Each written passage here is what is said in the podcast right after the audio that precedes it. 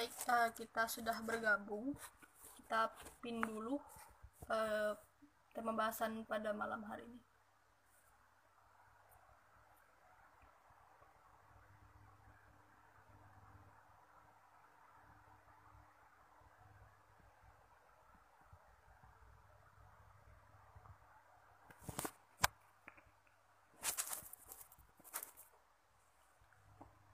Oke, okay, uh, pin ya.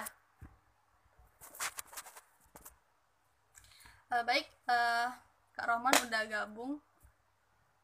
Kita buka dulu ya. Baik, uh, Assalamualaikum warahmatullahi wabarakatuh, teman-teman sekalian. Uh, Alhamdulillahirabbil alamin. Assalatu wassalamu ala Rasulillah Sayyidina Muhammadin wa ala alihi wa sahbihi ajmain amma ba'du. Srahli sadari wa yassirli amri wa min lisani yafqahu qawli. Baik, uh, selamat malam ya teman-teman sekalian. Ini udah ada kita lihat udah gabung tiga orang baru.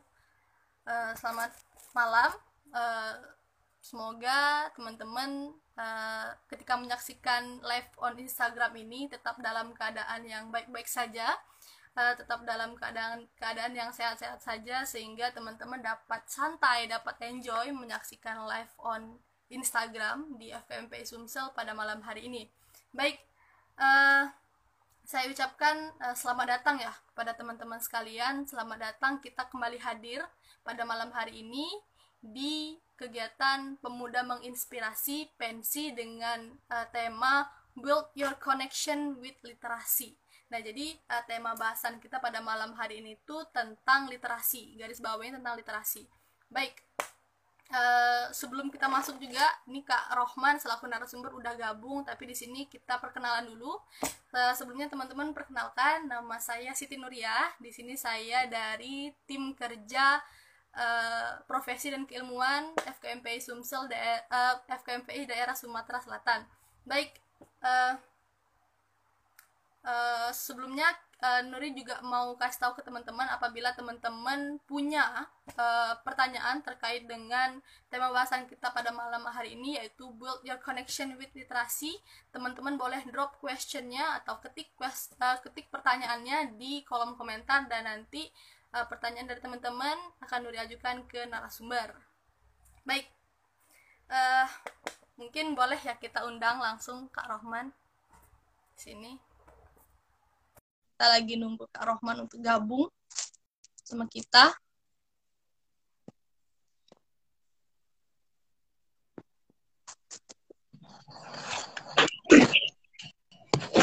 Gabung ya Kak. Uh, halo, Kak Rohman. Malam. Halo, Oke. Gimana kabarnya nih? Alhamdulillah. Iya, Kanuri apa kabar? Sehat? Alhamdulillah. Alhamdulillah Nuri juga sehat. Oke, okay. ya nonton. Eh, gimana jaringan di sana baik ya kak? Sekarang di mana nih kak? Ini sedang di Jatinangor di kampus. Alhamdulillah jaringan di sini. Aman ya, oke. Okay. Oke. Okay. Oke, okay. uh, eh, mungkin kita di sini uh, Nuri kan ini kan bentuk kegiatannya itu sharing session ya, ya. Sharing session. Jadi di sini uh, kita ngobrol santai-santai aja, ngobrol asik, ngobrol inspiratif juga, jadi nggak usah kaku-kaku di sini. Kita ngobrol sama-sama, Nuri juga sharing-sharing juga tentang literasi yang Nuri tahu, kakak, gitu, dan sebalik dan sebaliknya, itu kak ya. Baik, uh, Kak Rohman mungkin uh, boleh disapa dulu teman-teman yang udah gabung nonton, mungkin boleh silakan kak. Oke, okay, halo teman-teman semuanya yang nonton di live streaming Instagram hari ini. Uh, semoga hari ini kita bisa sharing-sharing, diskusi bareng mengenai build connection with literasi. Jadi ini akan sangat penting banget sebetulnya ya, mengenai materi hari ini. Semoga kita sama-sama bisa berdiskusi. Tadi benar banget kalau misalnya ada pertanyaan boleh di drop aja di kolom berkirim pesan. Ya. Oke. Okay ya teman-teman sekalian. Oke, okay. uh, eh, Nuri harap juga kepada teman-teman silakan enjoy dan apabila Nuri ingatkan lagi kepada teman-teman apabila teman-teman ingin bertanya mengenai tema bahasan kita silakan drop questionnya ke kolom komentar dan uh, nanti pertanyaan teman-teman akan Nuri ajukan ke Kak Rohman selaku Baik, uh, boleh kita mulai Kak? Atau gimana? Boleh? Oke. Okay. Uh, tema tema kita ini kan uh, garis besarnya tentang literasi kak ya. Di sini juga kak Rohman uh, selaku duta bahasa. Ya duta bahasa uh, Jawa Barat kak ya tahun 2020 benar iya tahun 2019 kak kalau duta baca. Oh oke okay, tahun 2019 oke. Okay. di sini kak Rohman ini uh, sekarang jadi mas masih jadi mahasiswa di Universitas Pajajaran kak ya. Jurusan ilmu perawatan. Betul betul. Jurusan keperawatan Oke, jadi langsung ke bahasa gitu ya. Jurusannya ke bahasa gitu ya. Oke. Oke terkait dengan tema bahasan kita yaitu literasi ya. Menurut kak Rohman nih uh, literasi itu apa sih? Karena uh, sebagian orang itu uh, berpendapat dan menganggap bahwasannya literasi itu adalah kegiatan membaca dan menulis atau kegiatan yang berhubungan dengan buku gitu ya. Nah namun di sini Kak Rohma selaku duta bahasa juga ini uh, gimana sih kak pengetahuan kakak atau definisi luas kakak sih tentang literasi itu gimana? Makan kak, boleh. Oke, okay. makasih banyak kan Nuri atas pertanyaannya. Kalau menurut saya pribadi ngomongin literasi ini sangat-sangat luas. Jadi literasi ini kita berbicara tentang kehidupan itu tersendiri. Jadi saking luasnya literasi ini tentang seluruh proses kehidupan yang kita jalankan dari sejak kita dalam kandungan sampai kita akhirnya meninggal dunia. Dan kenapa sih literasi ini dianggap sebagai suatu kehidupan? Yang pertama, ini suatu contoh. Bagaimana ibu kita bisa mengajarkan kita untuk berjalan kalau dia nggak tahu caranya berjalan seperti apa. Dan nggak tahu caranya menginformasikan untuk berjalan seperti apa. Jadi ternyata literasi itu seluas itu loh. Seluas dari kita mulai bisa berapa ya mulai bisa sedih teriak gitu ya. Teriak. E, waktu kecil mungkin ya nangis waktu dilahirkan. Terus kita mulai bisa merangkak mulai bisa berjalan. Terus selanjutnya kita bisa mulai bekerja. Itu adalah proses literasi itu tersendiri. Bahkan seseorang mungkin ya bisa mengetahui kondisinya sedang sehat atau sakit itu pun tentunya dengan proses literasi. Jadi ternyata literasi itu seluas itu dan sebesar itu perannya dalam proses kehidupan. Jadi aku selalu mendefinisikan bahwa literasi ini adalah tentang kehidupan sendiri yang mana kita harus menjalaninya, kita harus bertahan dan kita harus tetap berjuang kayak gitu. Oke, mengenai literasi berarti menurut definisi Kak Roman ini luas banget Kak ya. Sampai ke dari cara seseorang mengajari sesuatu dan sebagainya itu pasti ada literasi di dalam. Iya, betul uh, Nuri uh, mungkin boleh Nuri cerita juga kak ya Nuri sharing juga tentang iya, literasi yang Nuri tahu boleh. Nah, jadi waktu itu Nuri Nuri Nuri juga sebenarnya suka berkaitan dengan buku tuh suka kayak baca nulis suka ngarang suka. Dan Nuri juga sebenarnya orang yang lebih suka uh, nulis sih. Nulis daripada kayak uh, dengar atau kayak mana Nuri lebih suka nulis. Dan dan di sini Nuri uh, Nuri nih juga suka kayak ngarang sesuatu. Jadi uh, tentang berkaitan dengan puisi suka juga ngarang pen atau cerita-cerita gitu kan kak ya. Nuri suka berkaitan dengan itu. Dan juga alhamdulillahnya juga pernah ikut sampai ikut lomba gitu. Nah dan berkaitan dengan literasi itu Nuri pernah ikut esai. Waktu itu Nuri pernah tahun 2019 Nuri pernah ikut lomba esai jadi lomba esai itu tentang literasi juga.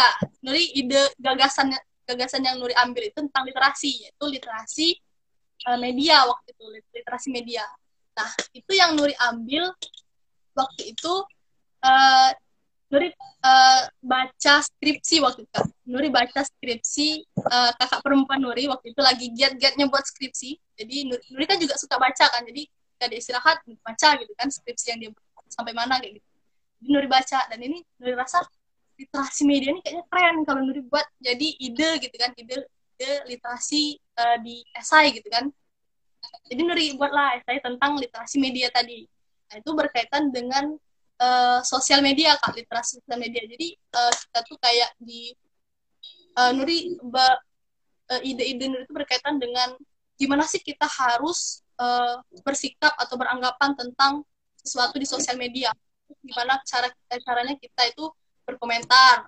Juga uh, gimana caranya kita itu uh, mengeluarkan pendapat atau mengkritik sesuatu men menyarankan sesuatu lewat sosial media itu gimana. Jadi itu yang Nuri uh, jadikan ide waktu itu di esai Nuri kemarin. Nah berkaitan dengan sosial media kayak ya. literasi sosial media. Jadi ini uh, kegiatan membaca atau uh, menulis sesuatu di sosial media berhubungan dengan sosial media. Menurut Kak Rohman nih kita kan juga ini dari sosial media kayak kayaknya saling berkomunikasi juga lewat sosial media. Nah menurut Kak Rohman uh, dari sosial media itu caranya kita ber uh, melakukan literasi atau menerapkan literasi yang baik dan benar itu lewat sosial media itu yang harusnya itu yang kayak mana sih kak? Oke, okay. terima kasih banyak Kanuri atas pertanyaannya. Nah berkaitan dengan literasi media sosial ya sekarang ini apalagi kita dihadapkan kayaknya sih pagi-pagi aja kita udah buka media sosial gitu, buka Instagram, cek kira-kira ada siapa nih di WhatsApp, terus kita cek lagi kira-kira ini ada DM apa nih yang masuk, terus yang viral di YouTube tuh apa aja gitu. Kadang-kadang sekarang menjadi hal umum yang dilakukan di setiap saat Nah, menurut aku pribadi, berkenaan dengan media sosial ini adalah tentang bagaimana cara kita spread our love, gitu ya, bagaimana cara kita menyebarkan virus-virus positif dan cinta yang kita hadirkan melalui media sosial. Kenapa sih kita harus menghadirkan spirit, terus juga positive vibes, sama yang terakhir itu cinta untuk dilibatkan dalam peranan media sosial?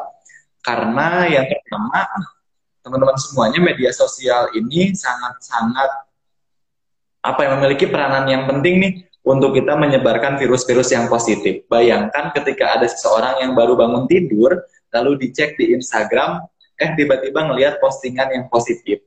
Nah ini menjadi suatu hal pahala juga ya buat kita yang menyebarkan konten-konten positif yang membangkitkan semangat para pembaca ataupun para yang menonton di media sosial gitu.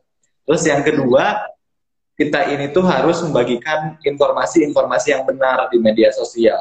Nah sekarang itu banyak sekali viral-viral ya, yang viral-viral di media sosial. Ini lebih ke yang clickbait, terus juga yang informasi-informasi yang, yang asal sebar aja, yang penting viral dulu gitu. Yang rame apa kita sebar. Nah kadang-kadang kita terlalu berkutat di area yang situ aja. Nah, peran dalam penggunaan media sosial adalah dengan memberantas informasi-informasi hoax ataupun yang cuma clickbait tapi ternyata informasinya tidak disampaikan dengan benar. Ini peran kita adalah dengan memenuhi beranda-beranda media sosial kita dengan dengan informasi-informasi yang positif. Jadi kalau misalkan kita nggak bisa akan mencegah orang lain untuk menyebarkan informasi-informasi hoax gitu, karena kita nggak kenal siapa dia gitu Nah, kita coba tutupi dengan informasi-informasi yang benar dan juga bisa terpercaya gitu keberadaannya. Terus yang ketiga, ini adalah dengan kita membudayakan mencari ya. Biasanya itu kalau kita di Instagram, di YouTube, ini tuh yang paling akan sering muncul di beranda ataupun di kolom pencarian. Ini kan adalah uh, yang kita sering cari, yang sering kita lihat gitu kan. Kalau saya suka nyari gunung, biasanya di kolom pencarian Instagram juga banyaknya munculnya gunung-gunung kan, di explore. Ya. Ini juga sama gitu. Budayakan kita mencari informasi-informasi yang relevan agar nanti yang muncul di explore kita ini adalah informasi-informasi yang benar dan baik serta positif untuk kita konsumsi.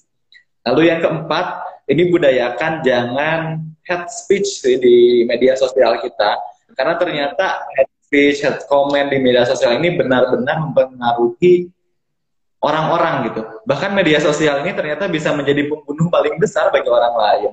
Bisa jadi bullying ini terjadi di media sosial, bisa jadi orang-orang ini semangatnya tidak tumbuh akibat media sosial, dan bisa jadi juga nih orang-orang justru semangat dengan media sosial. Jadi tadi balik lagi ke pesan yang pertama, spread our love with media sosial, kayak gitu. Uh, uh, jawaban Kak Rohman ini Kak bener-bener uh, mirip banget dengan apa yang Nuri tulis waktu Nuri ikut esai kemarin tentang oh. itu head ya tentang ujaran-ujaran kebencian. Dan itu waktu itu Nuri sempat nulis tentang UU ITE bahkan. UU ITE-nya gimana kan uh, undang-undangnya terus juga hoax dan sebagainya itu udah Nuri tulis semua di situ. Dan bener-bener kayak jawaban eh kayak tulisan Nuri waktu Nuri ngetik esai jawaban dari Kak Rohman. Serius Nuri gak bohong Oke, okay. gitu ya kak kalau terkait dengan literasi sosial media. Nah, iya, Uh, tadi sosial media. Ini kalau kita uh, menerapkan literasi dari di dunia di dunia nyata nih kak di ketika kita bercengkrama dengan orang lain berinteraksi dengan orang lain atau gimana menurut kakak nih kak eh, mengapa sih kita perlu belajar tentang literasi oke okay. Nah sebetulnya kenapa sih pada akhirnya kita harus banget belajar mengenai literasi ini karena literasi ini merupakan suatu fondasi banget nih sebelum kita melakukan apa pun. Seperti yang tadi aku bilang bahwa ketika ada seseorang yang mengajarkan untuk merangkak, mengajarkan untuk berjalan, itu pasti fondasi awalnya karena dia tahu informasinya gitu melalui baca buku kah atau melalui belajar kepada orang lain. Nah, ketika kita ada transfer ilmu dari orang lain kepada orang lainnya lagi, itu adalah proses literasi. Literasi kan tentang ilmu itu sendiri. Dan ini akan sangat penting menurut aku pribadi ya mengenai literasi karena melalui kita proses berliterasi ini kita nutrisi dalam kepala kita ini akan sangat cukup gitu untuk menjalani kehidupan kita. Orang-orang gak akan mungkin bisa untuk bekerja kalau dia nutrisinya nggak ada. Orang-orang nggak mungkin bisa mengerjakan skripsi ya kalau tadi mungkin skripsi, esai. Orang-orang nggak mungkin mengerjakan skripsi atau esai kalau dia nggak baca dulu. Pasti dia memenuhi dahulu nutrisi dalam kepalanya sampai akhirnya dia mampu menuangkannya dalam bentuk pekerjaan. Entah itu tadi skripsi, esai, ataupun kita berkuliah bahkan, pasti ada proses literasi di dalamnya. Bahkan aku ingat banget bahwa melalui proses literasi ini sangat-sangat luar biasa teman-teman. Ini pengalaman aku pribadi ya.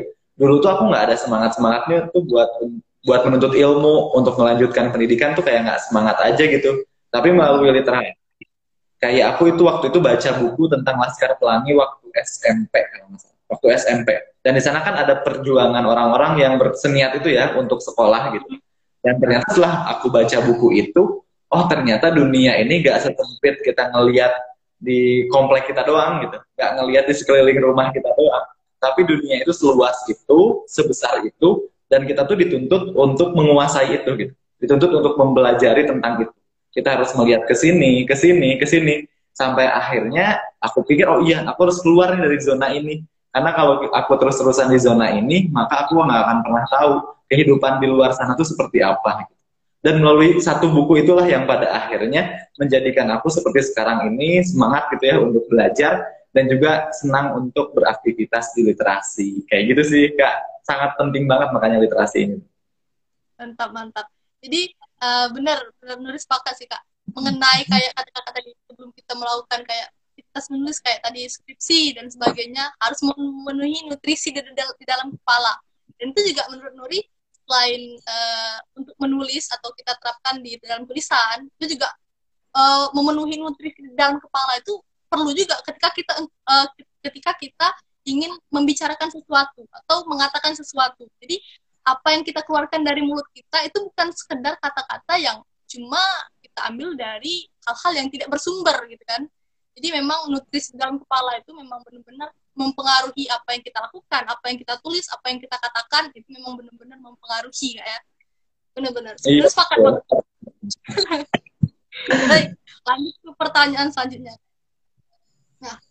ini kan sebagian orang juga merasa literasi itu penting bahkan seluruh orang merasa e, menganggap bahwasanya literasi itu penting tapi sebagian orang atau mungkin e, sebagian besar orang lah menganggap e, dirinya ini masih sulit dalam e, melakukan literasi itu bagaimana yang baik dan benarnya itu nah menurut kakak nih menurut pandangan kakak juga sebagai duta bahasa uh, bagaimana cara kita itu menumbuhkan literasi terhadap diri kita sendiri gimana sih caranya silakan kan oh. Nah, kalau aku pribadi sebetulnya tips and trick ataupun cara ya untuk menumbuhkan semangat berliterasi di, di, di dalam diri kita sendiri, ini ada beberapa hal yang bisa kita lakukan. Nah, yang pertama itu kita harus tahu dulu nih, kita ini tuh sukanya apa dan mau jadi apa. Nah ini kadang-kadang tuh ada orang-orang yang terlalu memaksakan untuk berliterasi. Contohnya kayak gini. Mm-hmm. Meskipun sebetulnya proses pemaksaan itu akhirnya juga menjadi terbiasa ataupun akhirnya menjadi suka, tapi itu kadang-kadang prosesnya lama dan kadang kitanya nyerah di tengah jalan gitu. Jadi kita harus tentuin dulu apa yang kita suka dan apa sih yang kita cari dan kita mau jadi apa di masa yang akan datang kalau kita udah tahu tujuan hidup kita apa, kita udah tahu kita kesukaannya di area yang mana. Misalkan aku sukanya itu suka baca buku yang berkaitan dengan novel yang kayak imajinatif banget gitu. Yang kayak imajinatif banget. Nah, kalau kita udah belajar tentang itu, kayak kita tuh berarti akan mencari buku-buku yang bisa meningkatkan imajinasi kita gitu. Dengan cara misalkan cari buku fiksi, terus juga cari-cari buku yang lebih ke meningkatkan imajinasi kita. Kalau aku juga sering baca-baca bukunya, ini sedikit promosi baca bukunya Terelie gitu kan. Nah, ini kan biasanya imajinatifnya tinggi banget ya. Nah, di sana ketika aku belajar tentang, eh ketika aku membaca buku itu, ada keinginan untuk terus-terusan membaca buku lagi, membaca buku lagi, membaca buku lagi. Jadi ketika kita udah membaca suatu hal yang kita sukai, maka akan tumbuh maka akan tumbuh perasaan di mana kita ingin baca buku lagi, baca buku lagi. Karena kan kita pertama udah suka terhadap sesuatu, kita baca terhadap sesuatu, lalu kita semakin penasaran terhadap sesuatu. Jadi cari dulu dan dari apa yang kita sukai dulu. Karena kalau kita nih, kita ini awalnya nggak suka banget baca buku. Tapi kadang kita dipaksa nih untuk mulai membaca buku. Kita langsung di, bukan dijebak ya, kita langsung diberikan buku-buku yang bukan gue banget gitu ya kalau di masa sekarang. Kayak tiba-tiba aja disuruh baca buku, misalkan disuruh baca buku yang genrenya romance. Padahal kita tuh nggak romance banget dan nggak suka banget tentang romance pasti pas dibaca sebel, kesel, nggak suka, pengen cepet-cepet udahan, pengen tahu endingnya kayak gimana, kayak gitu ya. Jadi ada proses yang akhirnya bikin kita nggak suka untuk uh, tumbuh dengan tersendiri. Lalu yang kedua, itu tadi kita harus menentukan tujuan hidup kita apa. Karena kalau kita udah tahu nih targetan tujuan hidup kita apa, misalkan aku pengen jadi dosen. Nah, kira-kira tips and trick jadi dosen itu apa sih? Pasti aku cari tahu kan informasi-informasi mengenai dosen, uh, tahapan menjadi dosen, lalu juga dosen itu minimal lulusannya apa, syarat-syaratnya kayak gimana, itu kan kita akan mencari informasi mengenai dosen. Bahkan mungkin aku cari-cari buku tentang dosen gitu, tentang dosen kayak gimana. Misalkan novel gitu ya, bahkan novel-novel fiksi tentang dosen aku pun baca. Nah jadi hal-hal seperti itu ternyata memang dimulai dari tujuan hidup kita itu apa. Kalau kita udah tahu tujuan hidup kita apa, ini justru akan mempermudah kita untuk mencari buku yang kita perlukan. Lalu yang ketiga, sebetulnya untuk menumbuhkan literasi dalam khususnya dalam bidang menulis, ini perlu banget kita ini memulainya dengan cara menulis diary. Meskipun kadang-kadang ya kalau ada seseorang yang menulis diary dalam tanda petik, itu dibilangnya itu alay, dibilangnya itu kok lu baperan banget, kok lu kayak gini, kok lu kayak gini. Ternyata banyak stigma orang yang ketika menulis diary itu dipandang negatif oleh orang lain. Nah, padahal sebetulnya menulis diary ini merupakan langkah awal kita nih dalam berliterasi dalam segi tulisan. Dengan kita menulis, istilahnya kalau aku selalu bilang, menulis itu sedekahnya orang yang membaca gitu. Dan itulah proses literasi, ada transaksional dari membaca ke menulis, dari menulis sampai ke orang yang membaca lagi, dari membaca disampaikan kepada orang lain, jadi ternyata dampaknya itu sangat-sangat meluas, sangat-sangat banyak sekali dampak dari literasi ini. Jadi mulailah literasi tadi ya teman-teman kalau aku simpulkan, mulai dengan apa yang kita suka, tentukan tujuan hidup kita, mulai dengan nulis dari hal yang terkecil yaitu menulis diary. Itu sih tiga tips dalam baca, eh, dalam meningkatkan literasi. Benar-benar. Nulis sepakat yang menulis diary diary tadi. Nulis sebenarnya juga kan Nuri kan emang suka nulis kayak, tapi karena nulis diary itu menurut Nuri alay ya, nulis hari ini aku ini ini. Alay kan kayak menurut Nuri itu alay. Yeah. jadi Nuri aktivitas Nuri dalam sehari itu Nuri jadikan kayak Nuri kan hobi ngarang suka ngarang suka ngarang cerita. Jadi Nuri kasih kayak Nuri buat kayak bener-bener kayak cerpen gitu kak. Kayak cerita. Bener-bener Nuri, Nuri ceritakan kayak cerita. Dalam dalam ini bla bla bla jadi bener-bener kayak ngebacanya tuh kayak ini ngebaca cerita bukan ngebaca diari orang yang alay gitu. Bener-bener kayak ngebaca cerita orang gitu kan. Tapi Nuri suka ngarang-ngarang kayak gitu. Oke, okay. ini ada pertanyaan yang masuk nih kak dari FDN underscore SYRN 505. Kak mau nanya nih, gimana sih caranya meningkatkan budaya literasi di suatu daerah yang bahkan anak-anaknya tidak tertarik untuk bersekolah? Oke. Okay. Silakan kak. Okay. Terima kasih banyak Nadia atas pertanyaannya. Nah, kalau berkaitan dengan hal tersebut, menurut aku pribadi, apalagi yang kita ini harus mengenali karakteristik anak terlebih dahulu, ataupun budaya di lingkungan tersebut. Nah, kadang-kadang aku ada cerita sedikit ya. Ada ada beberapa pemuda, ada suatu kelompok, dia itu tuh menggunakan bahasa tertentu gitu ya, menggunakan bahasa tertentu dan juga kayak ya nggak sulit gitu untuk komunikasi sama orang lain. Nah ada orang yang mau mengajarkan dan dia menggunakan bahasanya sendiri gitu dalam artian tidak menyesuaikan dengan bahasa yang ada di daerah tersebut. Nah itu malah diusir sama lingkungannya. Tapi ada lagi orang yang dia itu nggak pinter-pinter banget, tapi dia ada keinginan untuk mengajarkan, tapi dia tahu dan paham bahasa yang digunakan. Nah ternyata lebih mudah untuk mas memasukkan informasi-informasi ataupun hal-hal yang ingin dibawakan. Jadi yang pertama yang harus dipahami adalah kriteria dan karakteristik dari lingkungan yang akan kita ajarkan ataupun yang akan kita tingkatkan budaya literasinya. Itu yang pertama. Kadang-kadang kita lupa datang ke suatu daerah, misalkan datang ke suatu perkampungan, ingin mengajarkan sesuatu, tapi kita nggak pernah mempelajari karakteristik dan budaya dari orang tersebut gitu. Nah ini kadang jadi kesulitan sendiri gitu ya. Gimana mau transfer knowledge kepada orang lain kalau misalkan kita menggunakan kita menggunakan bahasa kita, mereka menggunakan bahasa mereka. Jadi akan sulit untuk masuknya. Selain yang tadi yang mengenai bahasa juga perlu dipelajari mengenai budayanya. Karena kadang-kadang nih kita ini terlalu memaksakan budaya kita agar sesuai dengan budaya orang lain. Apalagi biasanya nih kalau orang-orang di perkotaan pergi ke suatu perkampungan, ini dengan gayanya sendiri gitu dengan baju yang branded atau mungkin dengan kayak anak-anak tuh nggak bisa loh kalau didatengin orang-orang yang pakai jas, pakai pentopo, pakai celana bahan yang rapih banget karena orang-orang akan nganggapnya ini mau ngapain ya kayak gitu kan. Jadi disesuaikanlah karakteristik dan budaya untuk kita mengajarkan sesuatu hal dalam hal ini meningkatkan literasi di lingkungan. Itu yang itu yang kedua. Lalu yang ketiga, ini pastikan kita ini ini masih berkaitan sih, jangan membuat problem sih, jangan membuat problem dengan hal yang terjadi di antara mereka. Terus yang ke selanjutnya lagi, ini diusahakan kita ini betul-betul memberikan apa yang mereka butuhkan dulu gitu. Kira-kira yang dibutuhkan sama mereka itu apa sih? Apakah mereka itu membutuhkan literasi keuangan? Apakah mereka itu membutuhkan literasi apa? atau mungkin mereka membutuhkannya hal yang lain. Jadi disesuaikanlah dengan apa yang lingkungan itu butuhkan sampai akhirnya kita mau untuk mentransfer knowledge kita kepada orang lain. Karena kadang-kadang tadi itu hal luput yang dipikirkan. Lalu um, menurut aku pribadi berkaitan dengan kita meningkatkan literasi di lingkungan-lingkungan kita, ini pastikan kita istilahnya apa ya, membawa sesuatu terlebih dahulu yang mereka sukain mungkin dalam hal ini nggak ada salahnya untuk kita bawa kayak misalkan makanan dulu sebagai bentuk penghargaan kita kepada orang lain dan apresiasi ya kepada lingkungan kita. Gitu. Terus jangan lupa juga uh, kasih apresiasi apresiasi mungkin kalau bukan makanan coba kasih apa kayak gitu.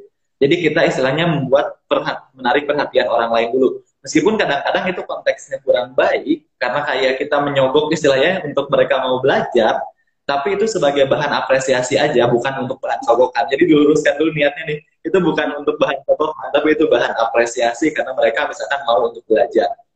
Lalu yang selanjutnya lagi, kita kalau bisa, apalagi kalau misalkan ini susah banget ya, udah susah banget untuk kita ini masuk ke areanya mereka, ke kehidupannya mereka, coba kita ikutin aktivitas sehari-hari bareng mereka gitu. Jangan sampai kita melupakan aktivitas-aktivitas sehari-hari tersebut kayak mm-hmm. ada kan suatu daerah yang mungkin aktivitas sehari-harinya tuh ke pesawahan gitu. Nah, coba kita ikutin aktivitas sehari-hari mereka biar mereka pun ngerasa bahwa keberadaan kita ini tuh istilahnya betul-betul gitu ya, ingin membantu mereka dan kita bisa dekat dengan mereka. Terus yang terakhir ini, akhir benar banget itu yang dari SA DAMG yang bilang teori ikhlas gitu. Jadi pastikan kita ini nggak mengharapkan sesuatu pemberian ketika kita mengerjakan sesuatu gitu. Kita ini mengerjakan sesuatu udah berkorban dengan tenaga mungkin juga materi gitu ya. Nah diusahakan kita nggak mau minta feedback dari orang lain. Dalam hal ini kayak diberikan apa gitu sama orang lain nah itu jangan mengharapkan sesuatu feedback dari orang lain karena ini kita niatkan untuk proses gitu. Kadang-kadang kita udah terlalu berekspektasi kayaknya gue habis ngajarin ini bakal dikasih sesuatu deh. Bakal dikasih makan deh misalkan ya. Bakal ditampung dari rumahnya gitu. Kita terlalu mikir seperti itu. Karena kalau kita udah mikir seperti itu ujungnya jadi malas gitu untuk uh, beraktivitas untuk mengerjakan literasi. Nah mungkin itu sih hal-hal yang bisa digunakan untuk kita beraktivitas literasi di lingkungan kita Oke, jadi itu ya kak jawaban dari pertanyaan yang disampaikan kak FZN underscore SYRN 505. sudah dijawab sama Kak Rohman tadi pertanyaan kakak. Baik, eh, sekarang Nuri mau tanya nih kak, kakak boleh kak ya? Boleh boleh. Pribadi mau tanya. Nah terkait dengan jawaban dari kakak juga tadi, kakak kan juga seba sebagai duta bahasa kak ya, duta bahasa. Jadi uh, orang-orang ini kan orang-orang yang mau, baru mau belajar bahasa Inggris nih kak. Orang yang baru belajar bahasa Inggris kadang memasukkan kata-kata Inggris di dalam kata-kata bahasa Indonesia. Contohnya kayak uh, suami able misalnya. Suami dari bahasa Indonesia kemudian able ditambahkan uh, jadi satu kata gitu kan. Bahasa Inggris dapat bahasa Indonesia. Suami able ada, ada juga uh, yang berkaitan dengan uh, dicampur-campurin lah kak. Pokoknya uh, berkaitan dengan itu. Nah, ini menurut kakak selaku duta bahasa nih kak ya, itu hal-hal yang kayak gitu walaupun mereka ini ini mau masih uh, tahapannya mau mau mempelajari hal itu, apakah menurut kakak ini, ini hal yang salah atau hal yang benar? Gimana sih kak? Silakan kak, pandangan kakak. Iya, oke. Okay. Nah, berkaitan dengan bahasa yang suka dicampur adukan ya antara bahasa Inggris dan bahasa Indonesia. Nah, kalau berkaitan dengan hal tersebut, memang mungkin kalau kita bicara tentang idealisme ya, idealismenya pemertabatan bahasa Indonesia itu kita harus menggunakan bahasa Indonesia yang baik dan benar dalam kehidupan sehari-hari. Tapi teman-teman semuanya, ketika kita udah ngobrol, karena ini kan kondisi ideal yang istilahnya harusnya kayak gini loh gitu. Tapi bahasa yang baik dan benar itu adalah bahasa yang bisa dimengerti oleh lawan bicara kita. Gitu. Dalam hal ini ketika kita ngobrolnya sama orang lain, berarti orang lain itu harus mengerti apa yang kita bicarakan. Hmm. Dalam hal ini kita ngobrol sama geng kita, berarti geng kita ini harus betul-betul memahami apa yang kita bicarakan gitu. Nah, jadi ketika tadi dicampur-campur, it's okay ketika kita ini mencampur adukan bahasa, tapi asalkan orang lain tersebut mengerti. Jadi jangan sampai kita mencampur adukan bahasa Indonesia dan Inggris, kita ngomong sama orang yang misalkan belum ngerti tentang bahasa Inggris gitu. Ini kan orang-orang akan bingung ya. Oh, dia ngomong apa ya? Kok ada kayak gitu-gitunya gitu? Kok ada bahas, ada diksi kata yang ini nggak biasa kita dengar gitu kan? Nah, jadi sebetulnya bahasa yang baik adalah bahasa yang dimengerti. Jadi apa pun bahasanya. Meskipun memang dalam kondisi idealnya kita harus menggunakan bahasa Indonesia yang baik dan benar, khususnya di ruang publik. Tapi itu pun disesuaikan. Ketika formal kita gunakan bahasa yang formal dan baku mungkin ya. Tapi ketika kita bahasanya lagi ngobrol biasa, kita nggak apa-apa untuk kayak bilangin itu kan kalau bilangin ini bahasa yang tidak baku gitu. Dan hal-hal yang lain itu nggak nggak masalah kok ketika kita ngobrol menggunakan tadi ada literally, which is dan lain-lain gitu. Tapi disesuaikan. Jangan sampai kita ngobrol misalkan ini ini sering terjadi karena aku kan suku Sunda ya aku suku Sunda terus misalkan ada orang-orang yang ngobrol dicampur-campur menggunakan bahasa Inggris kepada orang Sunda misalkan di, perkamp di perkampungan atau perdesaan yang nggak ngerti bahasa Inggris itu apa. Bahkan mungkin menggunakan Indonesia aja jarang karena lebih sering menggunakan bahasa Sunda. Nah ini kan jadi nggak hmm. masuk ya, maka transfer knowledge-nya kepada lawan bicara kita. Jadi itu sih pastikan kita menggunakan bahasa yang yang dimengerti oleh orang lain, yang mudah dimengerti oleh orang lain. Gitu. Benar-benar. Jadi memang ketika kita berbicara mengenai bahasa itu kan artinya non formal ya kak. Berarti ada tempatnya juga ketika, ketika iya, kita mau berbicara bahasa itu. Oke, okay. keren keren Oke, okay, mungkin kita lang langsung lanjut ke pertanyaan selanjutnya kak ya. Boleh ya? Boleh boleh. Oke. Okay. Uh, eh, menurut kakak nih, hubungan literasi dan koneksi. Karena kan uh, uh, tema bahasan kita kan build your connection with literasi. Jadi bangun koneksimu dengan literasi gitu ya. Jadi hubungan literasi dengan koneksi itu apa sih kak sebenarnya? Oke. Okay. berkaitan dengan koneksi dan literasi ya. Nah menurutku pribadi kenapa sih kon, uh, literasi ini sangat-sangat berhubungan dengan yang namanya koneksi atau dalam hal ini relasi gitu ya dengan orang lain yang pertama, itu melalui literasi teman-teman kita menjadi tahu dulu, oh ternyata di lingkungan seperti ini tuh kayak gini loh. Kayak misalkan kita mau bertamu uh, ke daerah Sumatera gitu. Misalkan aku mau pergi nih ke daerah Sumatera. Nah, dengan membaca buku kita menjadi tahu, oh daerah Sumatera tuh kayak gini, oh daerah Sumatera tuh kayak gini, ngomongnya kayak gini biasanya. Atau mungkin kayak oh Sumatera ini ngomongnya mungkin adanya harus kayak gini terus juga oh kalau orang Sumatera ini lebih banyak pergaulannya kayak gini gitu. jadi kita terlebih dahulu tahu informasi-informasi mengenai suatu kedaerahan. Sehingga ketika kita ini pergi ke satu daerah kita menjadi tahu hal yang bisa dikerjakannya kayak gimana. Itu yang pertama. Jadi kita nggak bingung sendiri ketika kita datang ke suatu daerah. Terus yang kedua ini berkaitan dengan apa yang akan kita sampaikan kayak kalau misalkan kita mau terjun eh terjun maksudnya apa ya? Ketika kita mau ngobrol sama orang-orang yang suka drama Korea jadi diusahakan terlebih dahulu kita cari informasi dulu nih drama Korea apa yang lagi viral yang lagi ramai di kalangan orang nyambung jadi, jadi kayak iya jadi lambung kan? Mereka lagi bahas drama Korea kita pun hanya bisa masuk buat ngobrol gitu. Jadi nggak bingung hmm. sendiri. Kita bingung untuk ngobrol karena kita aja nggak tahu apa sih ada ini kok bahasnya drama? Korea aku nggak ngerti gitu kan. Jadi nggak bisa masuk. Jadi seakan kita cari tahu dulu nih apa yang lagi uh, apa yang mereka sukai gitu. Apa yang mereka itu lagi bicara terus yang ketiga ini kita usahakan mengetahui isu-isu yang lagi ramai dibicarakan oleh masyarakat secara umum. Karena kadang-kadang kita bingung nih uh, ketika masuk ke suatu lingkungan dan kita nggak paham lingkungan apa sih ini. Bukan nggak paham sih kayak ramainya apa ya? Kok aku nggak bisa nih mengidentifikasi yang ramai dibicarakan di daerah ini kayak gimana. Jadi kita harus cari tahu informasi-informasi secara umum biar bisa masuk nih, biar bisa masuk obrolannya. Eh tahu gak sih gitu kan? Kadang-kadang dengan eh tahu gak, eh dengan kalimat eh tahu nggak sih itu tuh bisa memulai pembicaraan yang sangat panjang kayak gitu. Jadi itu itu terus tuh uh, untuk membangun relasi lagi teman-teman semuanya. Nah relasi ini penting banget untuk kita pelajari melalui melalui literasi. Karena literasi ini bisa juga nih dengan kita melakukan proses pengabdian kan. Kayak kita melakukan pengabdian dengan literasi gitu. kita mau menumbuhkan tingkat literasi di masyarakat. Nah ini proses pengabdian inilah yang pada akhirnya bisa mengoptimalkan peranan kita sebagai orang-orang yang ingin mengabdi kepada masyarakat. Karena kan bisa membangun relasi juga ya. Lalu yang terakhir ini melalui kemampuan literasi sebetulnya kita juga dapat meningkatkan kemampuan berbahasa. Kira-kira berbahasa yang baik di daerah ini seperti apa sih? Nah ini kembali lagi ke yang awal kalau misalnya tadi aku bahas mengenai bahasa yang digunakan ketika kita datang ke suatu daerah.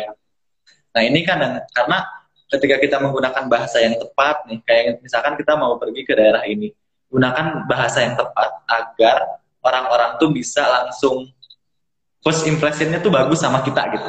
Jadi membangun relasi udah bagus, udah aman, udah nyaman. Kayak gitu sih.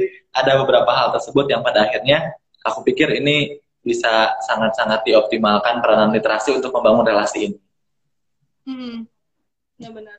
Jadi itu uh, hubungan membangun relasi dengan literasi. Gitu ya. Jawab sebenarnya. Ini mau nanya lagi mengenai relasi dengan literasi, tapi udah kakak jawab nih kayaknya. Tadi benar-benar harus banget pas kakak bilang ketika kita mau ya uh, bisa kita buka dengan eh tau nggak sih? Eh tau nggak sih? Itu kan biasanya kalimat-kalimat orang-orang yang sok kenal sok deket gitu kayak sok deket sok kenal sok deket. Ketika kita bicara mengenai eh kita ketika kita memulai sesuatu dengan oh tau nggak sih? Eh kalian tau nggak sih? Itu kan biasanya memulai obrolan bisa jadi dengan gibah eh tau nggak sih kalian? Eh dia kemarin aku lihat dia kemarin kayak gini kayak gini kayak gini. Mulai gibah. Jadi kan dengan itu kita membangun relasi dengan dan juga membentuk uh, suatu hubungan kayak di dalam ruang lingkup itu sendiri. Oke. Okay, iya. Keren banget uh, jawaban dari uh, Kak Rohman uh, selaku narasumber kita pada malam Kayaknya Nuri udah selesai deh Kak. Kalau uh, dari pertanyaan dari Nuri kayaknya udah selesai deh. Ini teman-teman, apakah teman-teman masih ada yang ingin ditanyakan nih? Mungkin silahkan kita juga masih punya waktu ya, Kak ya punya waktu yeah. sebenarnya.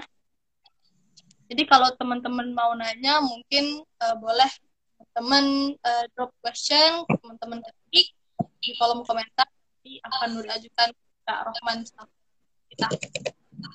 Baik.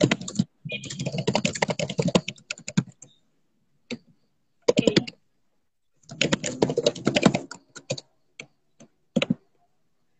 Ini kayaknya Nuri baca-baca komentarnya kayaknya pada lucu-lucu kayak kita tadi tentang bahasa Inggris bahasa Inggris. Teman-teman bilang nggak bisa bahasa Inggris. Lucu semua. Oke. Okay. mungkin uh, teman-teman nggak ada lagi ya yang mau nanya? Kalau teman-teman nggak ada yang mau nanya lagi mungkin kita cukupkan kak ya. Boleh boleh boleh. Boleh. Oke. Okay.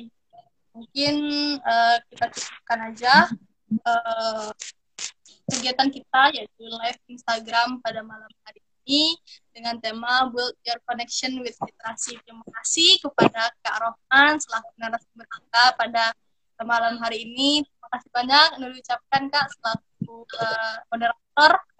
Uh, semoga Kak Rohman uh, ini siapa nih? Aku Kak ini Yumi Susanti. Kak Yumi mau nanya ya atau gimana? Kita tunggu dulu kak ya. Mungkin kak ya kalau ada teman-teman yang mau nanya barangkali. Ya sebenarnya mau dekat tapi ada yang nanya aku kak. Nggak mau ditutup kayaknya. Nggak mau ditutup. Karena Karaman memang jawabannya yang Nuri tanya tadi jawabannya memang benar-benar keren. Karaman sendiri? Ya kak boleh. Boleh boleh. Silakan kalau mau nanya boleh. Masih dibuka uh, sesi tanya jawab kita juga masih punya waktu kalau teman-teman mau nanya kan nggak apa-apa Oke. Sekarang di Jatinangor kak ya? Karoman. Iya, nomor Unpad. Sekarang semester berapa sih kak? Mari belum semester akhir lagi nyusun skripsi. Oh, sekarang lagi nyusun skripsi. Jadi di tengah masa pandemi ini masih nyusun skripsi kak ya? Iya, betul buat Rahman. Uh, Nuris tadi masih semester 3, jadi masih awal. masih jauh perjalanan. Iya, semangat, semangat. Okay. Ini Kak Yumi Susanti kali ya yang mau nanya. Iya, Kak Yumi boleh mungkin Kak, silakan questionnya tanyakan lah kalau mau tanya nanti Nuri tanyakan kalau mau tanya. Uh, kita tunggu sampai setengah sembilan ya. Kalau nggak ada nanti langsung baca. Komen di sini boleh nggak apa-apa kak. Komen di sini dipersilahkan. Nuri buka mungkin uh, satu sampai dua pertanyaan lagi lah persilahkan Oke. Okay.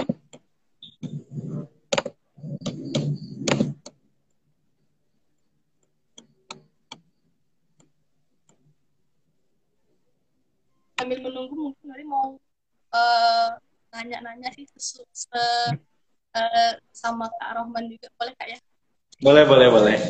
Ada mengenai pribadi Kakak. Kak, uh, Kak Rohman asalnya dari mana sih Kak? Saya asalnya dari Sukabumi, Kak. Dari Sukabumi. Uh, sekarang kuliah di Bandung gitu. Di Sumedang sih lebih tepatnya di Jatinangor di Unpad. Hmm. Eh, ini ada yang nanya, Kak, kenapa diundur seminarnya jadi tanggal 1, jadi tanggal 31? Iya, sebenarnya. Apa? Ya, itu seminar yang uh, diadakan gitu, Kak. Jadi memang diundur jadi Oh, jadi besok ya? Iya betul. Uh-uh. Oke, ini ada pertanyaan nih kak. Kak Roman udah bikin karya sastra apa aja kak kalau boleh tahu? Sebelumnya salam kenal kak, saya Lisa dari anak sastra dari Unpam. Oh iya. Udah bikin karya sastra apa aja kak kalau boleh tahu? Dulu juga pengen tahu nih, kakak udah bikin apa aja sih? Iya. Dalam bidang uh, pertanyaannya, alhamdulillah kalau aku pribadi sebetulnya uh, menul baru menulis dua buku. Kalau buku yang diterbitkan, yang pertama itu novel, judulnya sebuah rasa. Lalu yang kedua ini kumpulan puisi, antologi puisi, judulnya Andai Kita Tidak Pernah Terluka. Mungkin judulnya agak sedikit mellow, tapi sebetulnya dalamnya nggak mellow-mellow banget kok kayak gitu. itu kalau karya yang udah dibuat ya selain kalau karya esai dan lain-lain biasanya diikut sertakan dalam perlombaan kayak ikut KTI, ikut esai itu biasanya dalam perlombaan. Tapi kalau buku yang dipublikasikan itu baru dua. Iya, nanti juga lihat prestasi kakak sih tadi di CV. Kakak juga banyak menang LKTI kan kayak gitu kak ya? Iya. Emang udah da dari SMA atau memang udah dari dulu kakak suka nulis? Hmm, enggak, kalau aku kalau suka nulis fiksi, suka nulis novel ini novel itu dibuatnya itu sejak SMA dan diterbitkan waktu tingkat satu waktu semester awal kuliah. Jadi aku bikin itu pas udah lulus gitu, pas udah lulus SMA. Nah, oh. terus yang lagi berkaitan dengan kalau nulis KTI, esai dan lain-lain yang lebih ke ilmiah. Ini nulisnya baru mulai sejak kuliah kayak gitu. Oh, oke oke. Mantap. Emang kayak kayak nulis sih kak. Itu juga mulai nulis saya gitu pas Oke, ada pertanyaan selanjutnya kak. Pertanyaan terakhir nih, kita tutup. Uh, misalnya kita pergi ke suatu daerah Nah, di daerah tersebut masyarakatnya nggak tahu bahasa Inggris, Kak. Mereka pakai bahasa mereka. Bagaimana cara mempersatukannya, Kak? Dari Kak Yumi. Oke. Okay. Nah, sebetulnya uh, terima kasih banyak Kak Yumi atas pertanyaannya berkaitan dengan mungkin kita ini nggak menguasai bahasa di daerah tersebut ya. Terus daerah tersebut cuma bisa bahasa daerahnya doang gitu kan. Hmm. Nah, kalau dari aku pribadi sebetulnya tidak ada cara lain selain kita belajar bahasa daerah tersebut. Nah, Benar. ini mungkin cara yang pertama yang bisa dilakukan adalah kita coba cari satu atau dua orang yang betul-betul bisa, misalkan kalau kita bisa bahasa Indonesia ya, bahasa yang umum gitu ya. Kalau daerahnya hmm. masih ya, coba kita cari terlebih dahulu orang-orang yang sekiranya masih mengerti ketika kita menggunakan bahasa Indonesia. Kayak gitu. Hmm. Itu kita harus betul-betul pakai bahasa Indonesia dulu yang agar sama-sama semua orang mengerti lah kayak gitu. Terus yang kedua, ini cara caranya sih Bah Google ini bisa sangat-sangat diperlukan ataupun kamus kalau mungkin tidak ada sinyal ya. Jadi ini hmm. adalah satu support kita ketika kita mau melakukan pengabdian, kita harus membawa kamus dari bahasa yang digunakan gitu. Gak apa-apa kita untuk cari tahu terlebih dahulu kamusnya itu bahasa yang mereka gunakan misalkan bahasa apa, kita bawa kamus terlebih dahulu biar ngerti pelan-pelan aja kita sambil cari tahu oh ini ngomongnya ini ngomongnya ini jadi dua cara tersebut menurut aku adalah cara yang bisa digunakan ketika kita datang ke suatu daerah yang kita nggak tahu um, mereka itu bisa bahasa kita atau enggak kayak gitu. Oke jadi itu ya kak kak Yumi. Uh, jawaban dari kak Rohman tentang pertanyaan dari kakak. Oke uh, mungkin waktu kita udah hampir selesai nih kak ya. Jadi mungkin uh, kita cukupkan kak ya untuk pertanyaan oh. juga uh, live Instagram pada malam hari ini boleh kita cukupkan. Terima kasih banyak Kak Rohman atas uh, materi yang telah diberikan, pengajaran-pengajaran, sharing-sharingnya. Terima kasih juga pada teman-teman juga yang udah nonton, yang udah stay sampai sekarang sampai selesai. Nuri juga uh, terima kasih.